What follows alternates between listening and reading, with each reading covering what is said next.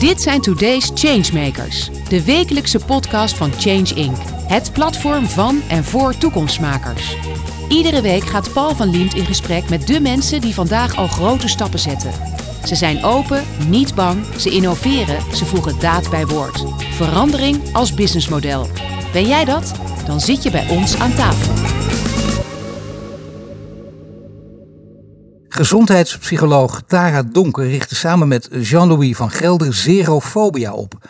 Met virtual reality apps helpen ze mensen van hun vliegangst of hoogtevrees af. Gewoon via de smartphone.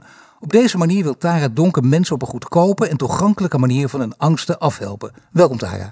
Dankjewel. Ik begrijp dat je helemaal uit Duitsland bent gekomen om op tijd te zijn bij deze podcast. En dat je ook uh, dit zo belangrijk vindt. Dat een hele grote eer hè, dat, je, dat je een omweg hebt gemaakt van Duitsland hier naar Amsterdam. Klopt. Nou zeg, en waar, van waar in Duitsland? Freiburg.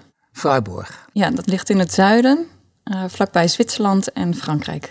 Ja, nee, geweldig. Nee, fantastisch. Ik zou er meteen naartoe willen. Maar uh, jij werkt er ook. Want je, werkt, je bent verbonden aan de VU in Amsterdam, Vrije Universiteit. Maar je werkt ook aan de, de University of Freiburg, heet het geloof ik. Hè? Ja, het heet de Albert Ludwigs Universiteit van Freiburg. Ja, en ben je daar in, in, in, de, in dezelfde situatie als in Amsterdam? Dat wil zeggen, ben je daar werkzaam als onderzoeker of geef je college? Klopt, ja. Als onderzoeker ben ik daar werkzaam. En dan nog even wel interessant. Je, bent dus, uh, je hebt een omweg gemaakt. Dat betekent, je zou normaal eens ook een dag later in Amsterdam zijn. Nu ben je voor deze podcast een dag eerder gekomen. Nou, eigenlijk uh, heb ik mijn trip helemaal hierop uh, aangepast. Dus ik, ik ben gewoon voor de podcast en, en wat vrienden en familie zien natuurlijk hier naartoe gekomen. Ja, te gek klinkt veel, veel beloond. Ik durf bijna geen kritische vraag te stellen. Als je er zoveel over hebt gehad. Laten we toch even een poging wagen. Hoewel er zijn vooral ook hele leuke vragen te stellen. Want dat is een mooi verhaal, denk ik. Maar even wat we altijd doen in de podcast. We beginnen met het nieuws wat je is opgevallen afgelopen week. Wat is jou opgevallen? Ja, dat is uiteraard natuurlijk de, de Oekraïne-oorlog uh, met de, of ja, Rusland met de Oekraïne. Dat, dat is verschrik, verschrikkelijk. Het is verschrikkelijk, maar uh, je bent een psycholoog. Je bent gewend ook van een afstand en, en met, met nuchter klinische blik letterlijk ook naar zaken te kijken. Voel je er ook enige emotie bij? Ja, ik ben uh, ook een mens. En als ik die foto's en die verhalen zie en, en hoor over de mensen in deze situaties en ook vooral met kinderen uh, ja, die uh, pijn hebben, die, die vermoord worden, ja, dan staan de tranen in mijn ogen. Ik vind het afschuwelijk. Nou, misschien toch een goed idee om, om nu te gaan praten over, over een ander onderwerp. Is er enige, enige link te leggen? Dat, dat op bijna op alle gebieden valt me op, kan dat wel. Iemand is met klimaat bezig, ja, dan gaat het over klimaat en veiligheid. In jouw geval gaat het ook over innovatie. Is er ook een link te leggen met de oorlog? Of zeg je nee, dat staat er helemaal los van. Jij hebt er in je werkzame leven niets mee te maken? Um, nou, ik zat wel te denken aan uh, hoe kunnen we een app ontwikkelen om deze uh, vluchtelingen te helpen. Met hun traumatische ervaringen bijvoorbeeld. Uh, ja, dus, ja. dus daarin zou ik de link dan leggen van hoe, hoe kunnen wij deze mensen helpen met schaalbare, toegankelijke zorg. En die, die ze gewoon thuis kunnen toepassen. Dat is een hele interessante trouwens, ja. Want inderdaad, eh, sowieso trouwens voor, voor de vluchtelingen, maar ook voor de militairen. De mensen die daar moeten vechten, mensen die terugkomen. Uh, PTSS bijvoorbeeld, ja. uh, traumatische stresssyndroom. Waar de laatste tijd veel meer over naar buiten komt. Maar dat zou allemaal eigenlijk binnen, binnen jouw onderzoekskader al kunnen vallen. Ja, ja. het duurt wel even tijd voordat we zo'n app goed hebben ontwikkeld. want je moet ook testen op veiligheid. Um, maar ja, absoluut. Met militairen ook. Maar dan niet op het moment dat ze nog in die oorlogssituatie zitten. Maar als ze terugkomen en hier zijn. Om dan uh, uh, die stressklachten uh, te behandelen. Nee, het zou inderdaad goed kunnen. Want het belang van de app, daar moet je echt wat meer over gaan vertellen. Want ik, ik heb hem net in, in, mijn aankondiging genoemd. Hè, zerofobia heet die. Dus nul fobie, daar komt het uiteindelijk op neer. Je wil er helemaal van afkomen. Zonder therapeut. Ja. Maar kun je even iets vertellen over de ontstaansgeschiedenis? Hoe kom je op een idee en wat is het precies? Ja, dat, dat was in 2014 toen uh, de zorgverzekeraar uh, de specifieke fobieën uit het zorgpakket haalde. Dus dat betekent dat dat, dat, dat niet meer vergoed wordt. En als uh, GZ-psycholoog merkte ik ook in de instellingen waar ik werkte dat deze mensen ook niet meer in de behandeling kwamen. Dus die zag ik niet meer vanaf dat moment. En op hetzelfde moment ontmoette ik professor Jean-Louis van Gelder. Hij had, heeft expertise in, in virtual reality. En wij waren samen aan het praten uh, over, nou, hè, hoe kunnen we onze krachten en expertisegebieden combineren. En ja, dit, dit was natuurlijk een goed, uh, een goed verhaal. Ehm, op dat moment in 2014 werd, werd ook uh, de techniek um, kwam beschikbaar om VR op je mobiele telefoon te, te kunnen bekijken. Nou, en goed uit. Ja, en de cardboardbril kwam uit. Dus oh, ja. ja, dat was perfecte plaatje. Nee, dat is duidelijk. Dat, dat is voor, voor de duidelijkheid. Hè. Je kunt gewoon, het is, het is, het is, eigenlijk, het is goedkoop, het is een tientje. Als je, als je gewoon naar, naar een fobie hebt en je gaat, ik ga het even maar zo simpel mogelijk. Je gaat naar de app, kun je hem downloaden, die heb je dan en dan, dan kun je geholpen worden zonder dat er dus direct een therapeut bij is. Maar je hebt natuurlijk wel voor de virtual reality inderdaad een bril nodig, maar dat zijn die kartonnen brilletjes, die kosten ook niks. Nee, nee dat kan zelfs al voor 5 euro. Ja, dus dan ben je voor 15 euro je klaar. Waar je normaal gesproken, stel dat je, dat je echt een therapie zou moeten, dat je, dat je een flinke fobie hebt om daarvan af te komen. In welke termen denk je dan? Wat voor bedragen? Nou, dan heb je eerst een intake bij een psycholoog en, uh, en daarna de behandeling. Dus dan zit je al snel tussen de, nou ja, al snel tussen de 500, 1000 euro voor een flinke fobie. Ja, ja dat zijn nogal wat verschillen. Dan is het heel goed dat, dat opeens hier uh, mensen bij elkaar komen die van wanten weten. Een hoogleraar die alles weet van virtual reality. Jij bent klinisch psycholoog. Veel onderzoek hiernaar gedaan. Je weet hier veel van. Het wordt dus, je gaat ondernemen nu ook. Dat doe je ook dan wordt het een soort, uh, als ik een beetje een geleerd woord mag gebruiken, een lastig woord ook, multidisciplinair team. Maar dat is wel in op dit moment. He, dat je niet alleen je eigen specialisme pakt, maar dat je gewoon veel specialisten bij elkaar zet die tot iets komen. Waar bestaat dit team nog meer uit? Welke specialismen zitten hier allemaal bij elkaar? Net, natuurlijk de appontwikkelaar. Orp Amsterdam, dat is Doruk Eker die, uh, en Gianluca Di Vincenzo, die werken aan, aan de ontwikkeling van de app. We hebben nog een sound uh, ingenieur. We hebben een, uh, een app designer. Um, ja. dus, dus en, en wij hebben dat ook echt nodig. Dus um, Jean-Louis en ik zijn van de, van de wetenschap. Dus wij hebben de wetenschappelijke kennis over de behandeling, over VR en de toepassing. Maar we hebben natuurlijk echt uh, iemand nodig die die app goed ontwikkelt. Dus ook um, de gebruiksvriendelijk is. En een app uh, designer, dat was dan Bruno de Vos, die, um, die had gewoon echt een heel goed idee over hoe, hoe je uh, de game erin kan verwerken. En om die, ja, dus die stap van wetenschap naar praktijk, uh, dat noemen wij valorisatie. Dus het wetenschappelijke product op de markt brengen. Dat is heel erg belangrijk. En, maar daarvoor heb je dus echt een creatief team, uh, de creatieve industrie voor nodig. Ja, nee, dat geweldige woord valorisatie. Uh, overigens, het is niet nieuw, hè, dat bestaat al vrij lang, maar daar zijn natuurlijk wel verschillende meningen over. Er zijn wetenschappers die het geweldig vinden, zeggen dat is innovatie, dan doen we er wat mee, we vermarkten deze geweldige ideeën. En ook een deel zegt dat moeten we niet doen. Wij zijn van, ik, ik probeer het even zo scherp mogelijk. Wij zijn van de zuivere wetenschap, we moeten daar veel vandaan blijven. Ja, nou ja, nee, dat is uh, zeker zo. En uh, daar zijn we ook heel erg zorgvuldig in en bewust van uh, in mijn onderzoek. Natuurlijk, je hebt twee petten op. Ja. Um, maar ja, dus ik vind het belangrijk, en nou, trouwens aan de universiteit waar ik werk, de VU, uh, ook hartstikke, uh, om, om goed te valoriseren. Want wij hebben dus, we hebben dus prachtige wetenschappelijke uh, projecten. Maar als, dat, als er niks mee gedaan wordt, hè, met zo'n behandeling bijvoorbeeld die je ontwikkelt, dan, dan is dat uh, uh, verloren belastinggeld natuurlijk. Nee, natuurlijk. Je ziet, je ziet met, name de TU Delft, is daar lang geleden mee begonnen. Volgens ja. mij waren ze ongeveer de eerste. Er zijn, er zijn waanzinnige dingen natuurlijk uitgekomen, hele mooie start-ups. En die werden ook een beetje met argusogen aangekeken. Je hebt er wel een goede collegevoorzitter nodig de voorzitter van het college van bestuur op de universiteit, die, die ook een beetje mee wil gaan. Klopt. En als dat allemaal werkt, dan lukt dat. Dat zit bij ja. jullie goed, volgens mij. Ja, dat zit bij ons goed, inderdaad. Dus, uh, we zien dat belang ervan in. En tegelijkertijd zijn we ook heel erg bewust hè, van dat je het onderzoek zuiver moet houden. En uh, daarom. Um, hou ik mij ook ver van de data-analyse. En we hebben ook, we publiceren zeg maar het protocol uh, van de studie. En uh, we verbinden ons daaraan. Van als de resultaten slecht zijn, uh, dan publiceren wij even goed hè, de resultaten. Ja. Dus goed of slecht, we publiceren. en ik ben niet betrokken bij de data-analyse. Ik, ik mag niet de dataset bekijken. Dus dat, dat doen je andere mensen. Nee, dat doen andere mensen voor mij. Ja, want stel dat, hè, dat ik er iets aan zou veranderen. Tuurlijk, tuurlijk. Dus, dus daar zijn wij heel zuiver in die dataset. Dat uh, wordt uh, door mijn junior onderzoeker uh, wordt dat gedaan, uh, wordt het klaargemaakt. Of, zeg maar, ja, klinkt raar, maar opgeschoond, zeg maar. En, en dat gaat naar, naar andere mensen in het onderzoeksteam en die analyseren dat. Nou, heel keurig, hè, zoals het moet. maar het is mooi dat je het ook zo vertelt. Ik zou bijna zeggen, dit is gewoon een soort blauwdruk voor anderen die dit ook willen doen. Want zo hou je ook gewoon je, dan kun je makkelijk twee, misschien wel drie petten op hebben. En kun je dit toch uh, voortzetten. Ja als dit een succes wordt, we gaan dadelijk, eh, ik ga je daar over doorvragen. Ik wil ook nog van je weten welke fobie je allemaal gaat behandelen en kunt behandelen. Maar als dit een succes wordt in, in termen van geld, want je kunt succes ook op allerlei manieren definiëren en uitdrukken, maar in termen van geld even voor het gemak. En uh, dit, dit, gaat echt, dit wordt een miljardenbedrijf, dat weet je nooit natuurlijk. Uh, wat gebeurt er dan? Ga jij er, daar, ga jij er ook heel veel van, mag jij er van heel veel van in je zak steken of niet? of gaat het allemaal naar de universiteit?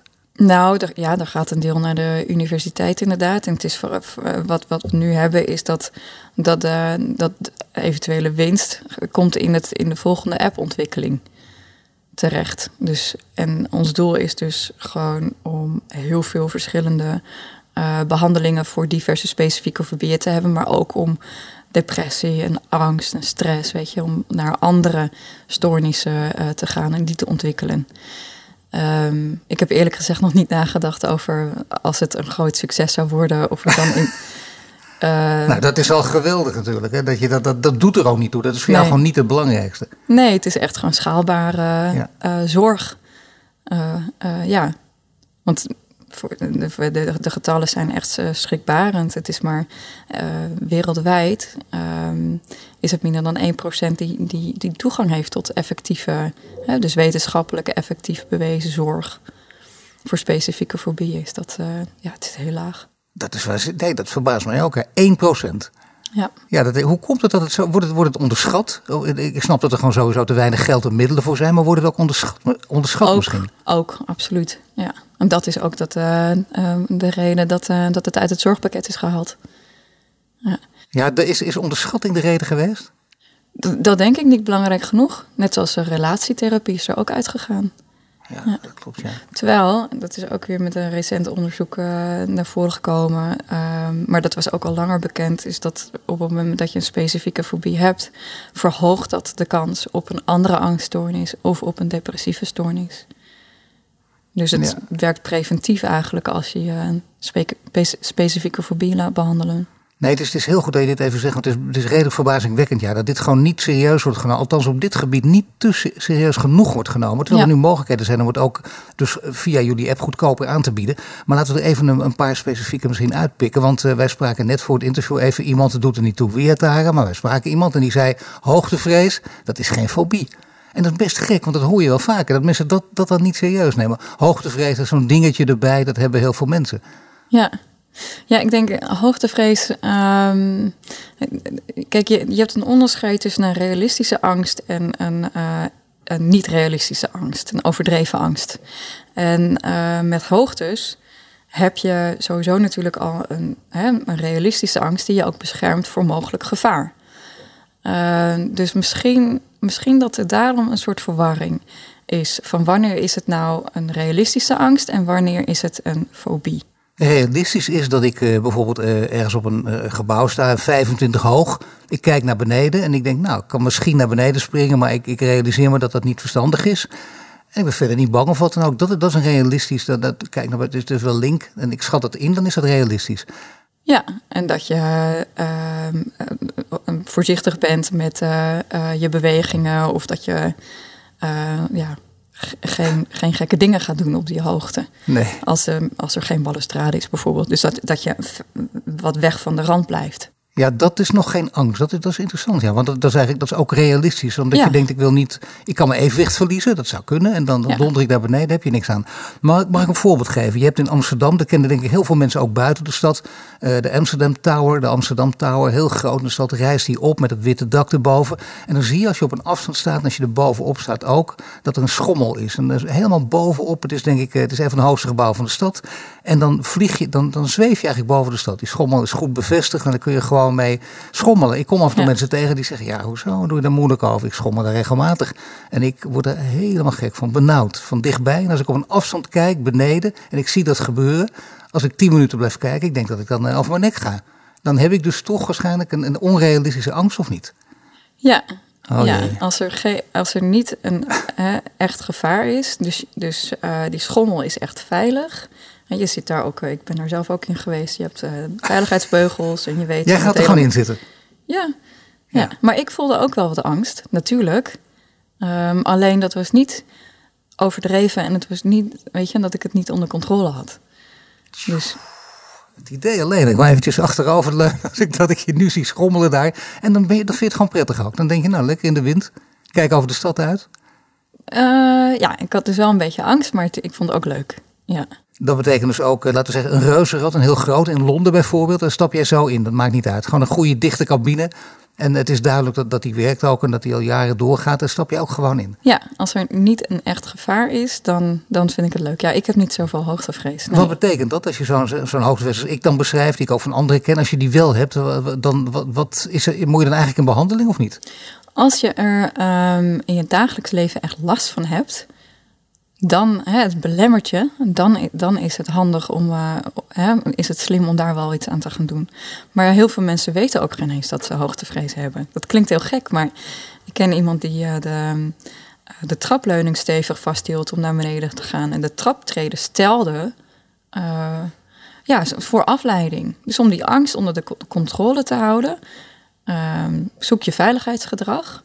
En dat kan dus ook afleiding zijn en die trapleuning vasthouden. Maar ja, nooit gerealiseerd van, oh, dat is hoogtevrees. Maar toch is wel interessant dat jij zegt, nee dat begrijp ik ook. Maar toch interessant dat jij zegt, eh, in mijn voorbeeld ook, wat ik nogmaals ook van anderen ken. eh, dan zeg je nou, dat, dat is dus wel goed om in behandeling te gaan. Of, Ja. en, en dat zeg je niet alleen omdat ik eh, dan naar, naar die app van jou ga, maar gewoon echt, dat zeg je vanuit jouw wetenschappelijk idee. Van dat is beter. Maar waarom dan? Want ik heb er verder eigenlijk niet zo'n last van. En, Alleen dat ik daar niet kan schommelen.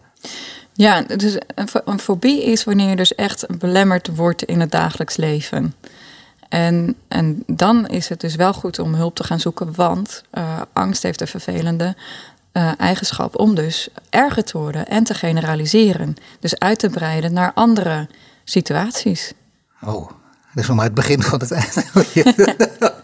Maar betekent, eh, zie je dat vaak als mensen een fobie hebben, hebben ze dan ook meestal andere? Als, je, in, hoe, hoe zit het met hoogtevrees? Om het maar even bij dat voorbeeld te houden.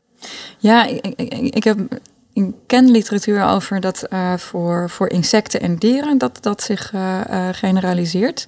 En ik heb zo niet de literatuur paraat over hoogtevrees of dat dan ook naar andere Je bent echt een specifieke wetenschapper. Je gaat niet een beetje op de bluff gewoon hier wat dingen roepen. Dat, dat je denkt, het zou wel kunnen. Je moet het zeker weten. Maar hoogtevrees staat waarschijnlijk niet op zich. Als je dat hebt. Eh, het hangt met vliegangst misschien samen of niet? Kan. Eh, mensen met vlie ja, dus eh, vliegangst is dus echt een, een hele ingewikkelde stoornis eigenlijk. Ehm, om te, te behandelen. Want er kan inderdaad dus hoogtevrees eh, ehm, achter zitten.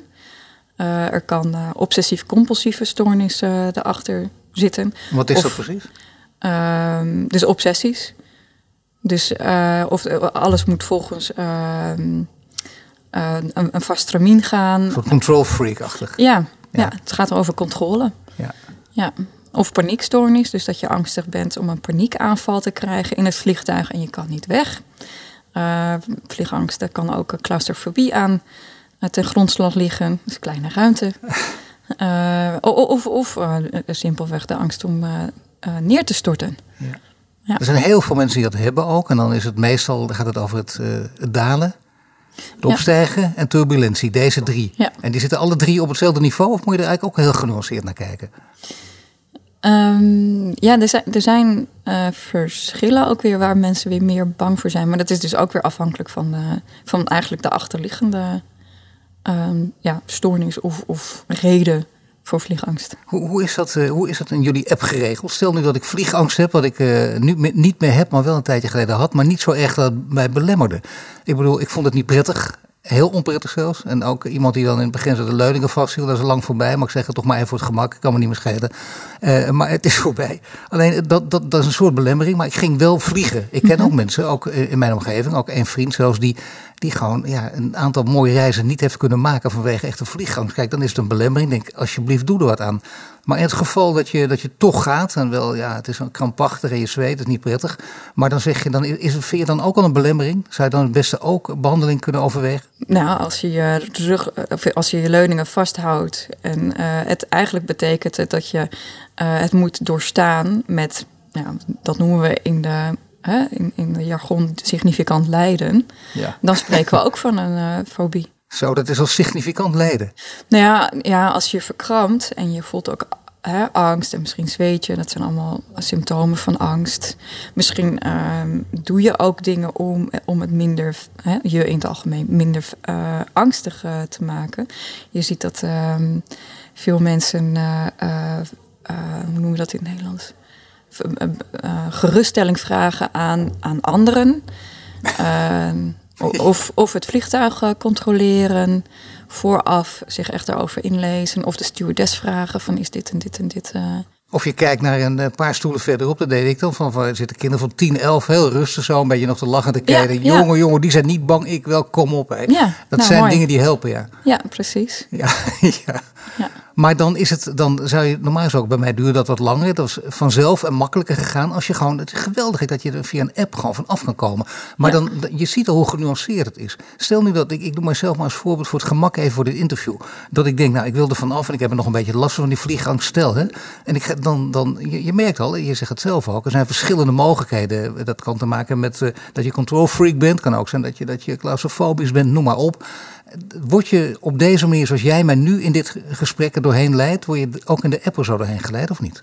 Ja, de, de app um, voor vliegenangst, die bestaat het, het uh, virtuality gedeelte dan. Want het is natuurlijk een, een complete behandeling met psycho-educatie, dus uitleg over vliegangst en ook uitleg over hoe vliegen werkt en wat er allemaal gedaan wordt hè, voordat iemand het vliegtuig ingaat en het omhoog gaat. Maar het VR-gedeelte gaat van het begin, dus je staat uh, uh, op de luchthaven en je, je, je, checkt je bagage in en je paspoort en je krijgt je vliegticket.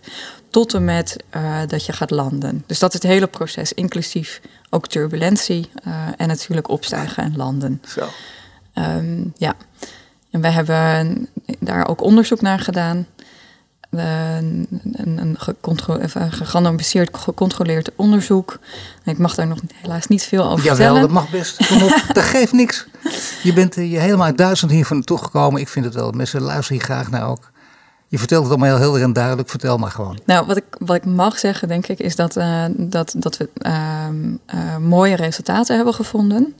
Uh, en dat, uh, ja, en dat, dat het, we hebben ons vooral um, gefocust op de angst om neer te storten. En we, uh, we, als je echte claustrofobie hebt, uh, daarvoor willen we nog een iteratie maken dat je meer ook echt in die situaties. Uh... Maar ik snap het, ik mag je niet op doorvragen. En jij zit met de slag om de arm natuurlijk nog aan logisch, zo moet allemaal nog naar buiten komen. Maar het gaat in ieder geval een bepaalde richting in. Dat, dat we dat in ieder geval weten. Ja. ja. Nee, maar dat is heel, echt super interessant. Dat betekent dat het steeds meer geperfectioneerd wordt. Je komt steeds meer te weten. Ja. En het hele mooie van het verhaal, heel veel mensen kunnen er nu gebruik van maken. Want uh, je zou zeggen, het kostenaspect speelt veel minder een rol nu.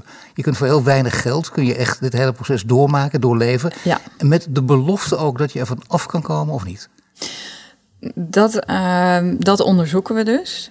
Het, het, de reden dat wij voor vliegangst hebben gekozen, uh, naast ook dat deze fobie uh, hoog prevalent is, dus veel mensen hebben last van, uh, maar is omdat, omdat je eigenlijk heel slecht kan oefenen met vliegangst. normaal zou je dus de beste behandeling voor angst is exposure in vivo. Dat is onderdeel van cognitieve gedragstherapie. En je, dat betekent dus dat je een situatie opzoekt. Dus met hoogtes zoek je een toren op. Maar met, een, met vliegangst is het natuurlijk ontzettend moeilijk om, om een uh, vliegtuig in te stappen. Vandaar dat wij deze, deze behandeling uh, hebben ontwikkeld. En uh, we weten uit het eerdere onderzoek en over het algemeen dat uh, mensen die hoge, hè, dus veel angst hebben, dat die meer baat hebben bij de, bij de therapie. En we weten ook dat een deel van de uh, mensen dus met vliegangst, dat die ook echt opknappen. Na, dus met deze app zonder tussenkomst van een therapeut. En door deze simulatie dus ook? Ja. Want dat ja. is het. Ja. ja, het is geweldig. Nee, het is een heel goed voorbeeld, dat snap ik ook. Eh, Maar nu zijn er natuurlijk heel veel fobieën. Je kunt er eindeloos mee doorgaan. Misschien als ik dan, ja, eh, toch, ik heb een paar persoonlijke dingen prijsgegeven die jij misschien ook, of heb jij ook last van een fobie zelf? Want dan kun je helemaal makkelijk inleven.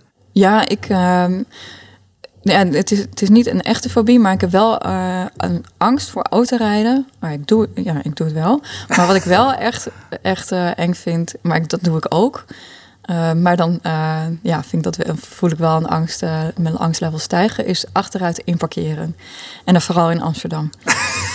Maar gewoon ook op zo'n drukke straat. En dat, en dat je dan dat andere auto's en fietsers eh, wachten op je. En dan, eh, ja, nee. En je dat, wordt alleen eh, maar nerveus omdat ze steeds bozer worden van het lukt niet, het schiet op. Het is wel de cliché-situatie natuurlijk, hè? Ja. Van de vrouw die bang is om in te parkeren. Ja, zeker. Maar we, nou, ik moet zeggen, we hebben ook in Duitsland nu, nou, Duitsland, we hebben nu een grote auto. En ja, dat, ehm, dat, dat maakt het wel wat spannender, ja. ja, nee, dat scheelt er zo. Ja. Nee, goed, ik begrijp het. Nee, maar dit is wel, wel interessant. Want jij zegt hier, dit is geen echte eh, fobie. Terwijl dit toch... Ja, ik, ik mag het niet zeggen, jij hebt de wetenschappen. Maar ik denk eigenlijk, het is volgens mij wel een echte fobie. Want het is dan toch... Je kunt het ook vertalen naar een soort eh, angst van wat, wat mensen dan van je... Of je, je wil mensen niet... eh, je wil mensen een plezier doen. Eh, ja, en je, en hier, alleen- ben je, hier ben je dus niet aan het pleasen. Dat is het in tegendeel zelfs. Je maakt mensen boos. En dat wil je niet. Nee, ik denk dat ik mensen eh, boos maak, maar ik weet, ik weet dat ik ze niet boos maak. En dat het, weet je, dus ik, ik voel wel wat angst, maar ik weet ratio- eh, rationeel van die mensen die wachten wel op me. Maar eh, als, je- als je vraagt van heb je een angst, dan zou ik zeggen dat dat is dan voor autorij-angst. Maar ik doe het allemaal wel, dus ik ga rijden en ik vind het ook eigenlijk leuk. ja, lekker muziek en, eh, en eh, rijden. Ja, dus Podcastje aan van Change Inc. nou, Tijdens rijden, dat is het leuk. Kan niet. deze? Tijdens het achteruit inparkeren, weet je wel. Daar gaat het vanzelf hoor. Nee, dat is flauw. Maar je betekent, dit, dit, dit is iets wat, wat, wat ik snap. Dat, dat is niet ver genoeg voor een app, denk ik. Maar je hebt natuurlijk wel bijvoorbeeld spinnen. Dat is een ja, heel maar veel voor voorkomen. autorijangsten, d- daar wilde ik heel, ook heel graag een app eh, voor maken. Maar Oh, dat, toch? ja, ja, maar dat, dat, dat vergt even goed, goed nadenken wat, je, eh, wat effectief is. Ehm, ja, omdat je ook misschien de handeling wilt gaan uitvoeren. Nou ja, het zou dan een soort simulatie kunnen zijn. Zoals je die net omschreven hebt eh, bij het vliegen. Dat zou je hier met autorijden ook kunnen doen, of niet? Ja, ja. Alleen eh, met autorijden moet je natuurlijk ook eh, eh, schakelen en achteruit, inparkeer. Ja, dus dat zijn een paar handelingen. Maar je kan zeker exposure ehm, eh, laten plaatsvinden in VR. Ehm, en door tunnels rijden en snelweg en de opritten op. Ehm, ja, ja, dat absoluut. eindeloze mogelijkheden. En ik zag dat jullie dus ook bezig waren. Dieren komt natuurlijk eh, op, op allerlei manieren ook. Fobieën voor dieren komen veel voor. Ja. Met name voor spinnen. Ja. Daar heb ik dan weer geen last van, gelukkig. Maar ik, ik zie wel een. eh, ja, je hebt daar natuurlijk ook verschillende stadia. Een klein diertje, klein spinnetje, de huismeid, spin heet die geloof ik. En de tarantula, die, hele, die, die wat Ja. engere spin. En da- daar kunnen jullie ook een app voor ontwikkelen of zijn jullie er al mee bezig? Ja, ja die zijn we op het moment aan het onderzoeken. Dus aan de VU. Eh, we zijn bezig met een eh, RCT. Dus mensen die eh, kunnen zich dan aanmelden en die spinnen-app volgen. En we hebben dan de keuze uit vijf spinnen. Nee, vier spinnen. Dat begint bij de hooiwagen. En dat, nee, vijf spinnen, sorry. En dat, en dat eindigt bij de tarantula. En, en dat, de eerste level is dan dus dat je gewoon de spin vanaf een afstand ziet en hij loopt niet. En jij beslist wanneer die loopt. En dat eindigt in deze versie met dat de spin over je hand gaat lopen. Dus je doet je hand leg je zo neer, daar komt dan een tarantula overheen Ja, lopen. klopt. Nou, lekker. Kan mij niet schelen, maar ik kan me voorstellen dat mensen daar last van kunnen hebben. Ja, en we zijn nu, nu bezig met het maken van nieuwe levels voor het onderzoek in Duitsland. Eh, maar als dat gemaakt is, dan zullen we dat ook toevoegen aan het Nederlandse, eh, Nederlandse app. Ehm, om spinnen in een aanvalspositie eh, te brengen als je dichterbij komt. En, en dit is echt gruwelijk, ehm, dat er babyspinnen op de rug van de, van de mamaspin zitten. En die kruipen eraf en die kunnen dan ook over je hand. Ja, nee, dat is inderdaad wel echt. eh, de spanning opvoeren, inderdaad. Dat klopt, ja. Dat betekent wel dat dit een grote fobie is. Wat, wat zijn fobieën die echt heel vaak voorkomen? Zijn dat deze drie waar we het nu over gehad hebben? Dit zijn de drie meest voorkomen. Ja, hoogtevrees, vliegangst, spinnenangst. Oh, toch? Dat zijn de grootste. Maar er zijn er veel meer, hebben we net ontdekt. Ook, ook de kleinere. Dat betekent dat jullie ook, ook eindeloos door willen gaan hiermee? Want ik bedoel, je helpt mensen er wel enorm mee, denk ik. Ja, maar het maken van, van een app kost uh, behoorlijk veel geld. Uh, en we kunnen ook niet alles gaan onderzoeken natuurlijk. Dus ik denk op ja, uh, als, nou, als je dus miljarden kan maken, kunnen we, kunnen we kijken naar uh, de hè, wat minder prevalente fobieën. maar nu moeten we gewoon echt nog wel focussen op, op de grotere. Wat zijn de kleine? Kun je een paar kleine fobieën noemen waar jullie dus nog niets aan doen, maar misschien in de toekomst met genoeg geld? Nou ja, je kan natuurlijk eindeloos variëren met, met katten, honden, um, slakken. um, slakken hoorden wij ook, hè? Dat, dat, heb je dat ooit gehoord? Dat je angst hebt voor slakken? Dat is wel heel gek, toch? Ja, ja nee, het, is, het maakt het, als je hè, bijvoorbeeld in je, in je jeugd een nare ervaring hebt gehad ja. met een slak, uh, ja, dan, dan, dan kan dat zo ontstaan. En dat, uh, dat, en dat ja, wordt met de jaren kan dat erger worden. Ja, toch bijna alles is, is toch ook hier wel weer terug te voeren op de jeugd. Ik bedoel, laten we zeggen, je eerste zes, zeven jaar? Um, ja, je ziet bij specifieke fobieën is de, de ontstaansleeftijd uh, zo rond je de vijf jaar. Ja, ja, ja gemiddeld. Um, ja, maar, de, maar er zijn meerdere oorzaken uh, aan te wijzen voor, de, voor het ontstaan van een fobie. Uh, dus het, het kan een genetische kwetsbaarheid zijn. Uh, maar het kan dus ook zijn door nare ervaring of zelfs als je dus iemand anders ziet schrikken van iets. En dat, dat was dus bijvoorbeeld met autorijden. Nou, dat heb ik echt van mijn moeder, want die had best wel angst. Elke keer dat ze op autorijles moest, uh, stond ze te kijken voor het raam en met hoge spanning. Dat heb ik gewoon. Uh, Kijk eens, dus van moeder op dochter doorgegaan. ja, ja, je krijgt de goede dingen zo, zo mee en, uh, en de minder leuke dingen. Ja. Nee, dat zullen heel veel mensen herkennen natuurlijk, want ja. dat gebeurt ook. Ja. Maar is het wel belangrijk dat het ook gaat over preventie? Hè? De, de dingen die ik over jou lees, de verhalen van tevoren. Voor het interview komt het woord preventie ook heel vaak voor. Dat is ook het, ik zou bijna zeggen, het modewoord, maar ook het sleutelwoord gelijktijdig in, in heel de gezondheidszorg. En als je dat met innovatieve methoden kan doen, ja, ik word daar heel blij van, bijna van dit verhaal. Denk ik, ja, zie je, het kan dus op deze manier voor weinig geld. En het heeft ook het heeft, uh, positieve gevolgen. Maar uh, preventie betekent dat je preventie hebt, dan, dan kijk je waar het allemaal vandaan komt. Uh, het begint met angst. Het begint met misschien wel een fobie, daar begint het mee, maar die kan ook uitlopen in een depressie zelf. Zo erg kan het zijn. Ja. Ja. Kun je dat via, met, met, met, ook met apps en werk aan preventie, kun je dat voorkomen of niet? Um, nou, we hebben daar dus nog geen onderzoek naar gedaan. Dat is, dat, dat is een heel groot onderzoek om te kijken of je iets wat je dan aan, aanbiedt uh, op tijdstip 1, of dat dan preventief werkt op tijdstip 2. Um, maar we weten dus, dus wel, wat ik eerder zei, is dat als je dus een specifieke fobie hebt, dat dat de kans verhoogt op het ontstaan van zo'n angststoornis. Dus uh, als wij onze app aanbieden aan mensen met een specifieke fobie, uh, dan is de verwachting dat, je dat, hè, dat dat dan wel preventief werkt voor, voor het ontwikkelen van angststoornis op een latere leeftijd. Dat hebben we alleen nog niet onderzocht. Maar dat, ja, dat zou je wel uit, uit deze onderzoeken kunnen, kunnen verwachten. Maar wel belangrijk vervolgonderzoek. Ik bedoel, dan kun je hele grote ja. stappen zetten. Dat is een, echt een belangrijke. Absoluut, ja. Ja. Nu heb je de, de, geweldige naam, Zerofobia. En dat is hem. En uh, die app, uh, die laatste over, over spinnen, moet je dus nog gaan ontwikkelen. Het is voor een groot publiek, het kan allemaal. We zijn dit gesprek begonnen met, met vragen van mij over. En je hebt het uitgelegd uh, hoe dat dan werkt. Hè? Hoe, wat voor team dat is, dat multidisciplinair team. Al die mensen die eraan werken. Ja. En iedereen heeft zo zijn inbreng, begrijpt elkaar, heb je ook nodig. Wie heeft uiteindelijk de regie of de lead? Wie bepaalt uiteindelijk wat er gebeurt? ik. ja, ja, Jean-Louis en ik. ja, wij, uh, ja, op dit, in, dit, op, de, op dit moment uh, wel. Ja, dus in het onderzoek in, in Vrijborg um, heb ik nu gekozen om meer experimenteel bezig te gaan met, hè, met de app.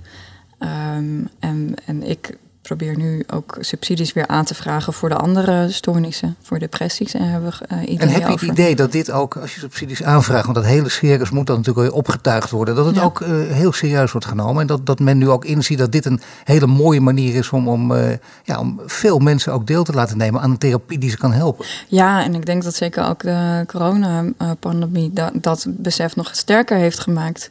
Het gaat om zorg op afstand natuurlijk. En, en dit kon doorgaan. Goed, het is nog even wachten. Ik bedoel, eh, je hebt hier met deze onderzoeken eh, nou ja, eh, twee levens voor nodig, denk ik eigenlijk. Maar het Eh, kan redelijk snel gaan. Bijvoorbeeld die spinnen-app, die, die kan... wa- wanneer is die klaar? Die is al klaar. Ehm, maar het wordt alleen dus nu onderzocht op effectiviteit. Ja, maar dat- ik bedoel, als dat helemaal is afgerond, Ja, dan, ben je, nou, dan ben je een jaar verder of kan het echt binnen een paar maanden? Nou, we zijn dus al bezig met de werving. En ik verwacht dat het, ehm, ja, het- dat het wel eind 2022 eh, dat hij in de markt is. Nou, dat is snel. Dat Ja. is behoorlijk snel. Nou, Ja, dat gaan we niet. Ja. ja. Maar ja, dat gaan we allemaal nog meemaken. Ik bedoel, dit gaat waarschijnlijk een vlucht krijgen. Merk je welke landen geïnteresseerd zijn? Want dit kun je natuurlijk wereldwijd uitrollen. Ja, ja, en de app is ook beschikbaar in het Engels. Dus er zijn ook mensen. Nou, in Alaska bijvoorbeeld eh, wordt de vliegangst-app nu, eh, nu zelfs onderzocht in Alaska. Dat is wel heel leuk. Ja, maar, het is, maar ja, als je kijkt naar de statistieken van, dan, eh, van Google, eh, van, Android en van eh, iPhone, zie je ook echt wel dat, dat het in allerlei landen, in Afrika, in, Zuid-Amerika, in Azië wordt gedownload. Dus je zou kunnen zeggen, laten we over een jaar of drie, vier of zo, dan zijn al die oorlogen hopelijk al gelukkig voorbij. Leven we in een heel prettige wereld. En de serofobia, dat is dan een wereldwijd bekende naam. Welk vliegveld je ook komt bijvoorbeeld, dan zie je het overal aan de muren hangen. Iedereen weet wat het is. Ja, nou, dat zou wel een heel mooi eh, idee zijn voor als je de xerofobia gewoon op het vliegveld ook meteen even kan, Precies. kan gebruiken. De Ja. goede plekken. Goed, Ja. nou ik hou het wel bij. Ik ben heel benieuwd hoe dit gaat. En ik wens je heel veel succes eh, met, met, met alle onderzoeken nog eh, die hiermee gepaard moeten gaan. En dank voor dit gesprek. Je luistert naar een podcast van Change Inc. En die is mede mogelijk gemaakt door onze partners Achmea, Albron, Ebbingen, Renewy en Vattenfall. Bedankt voor het luisteren naar de Today's Changemakers podcast. Een productie van Change Inc. gepresenteerd door Paul van Liemt. Ben of ken jij een changemaker? Meld je dan snel aan via onze Change Inc. website. Wil je dat meer mensen geïnspireerd worden? Deel de podcast dan op sociale media. Wil je meer afleveringen luisteren? Volg ons dan nu via je Spotify, Apple Podcast of je favoriete podcast app. En krijg een melding wanneer er een nieuwe aflevering online staat.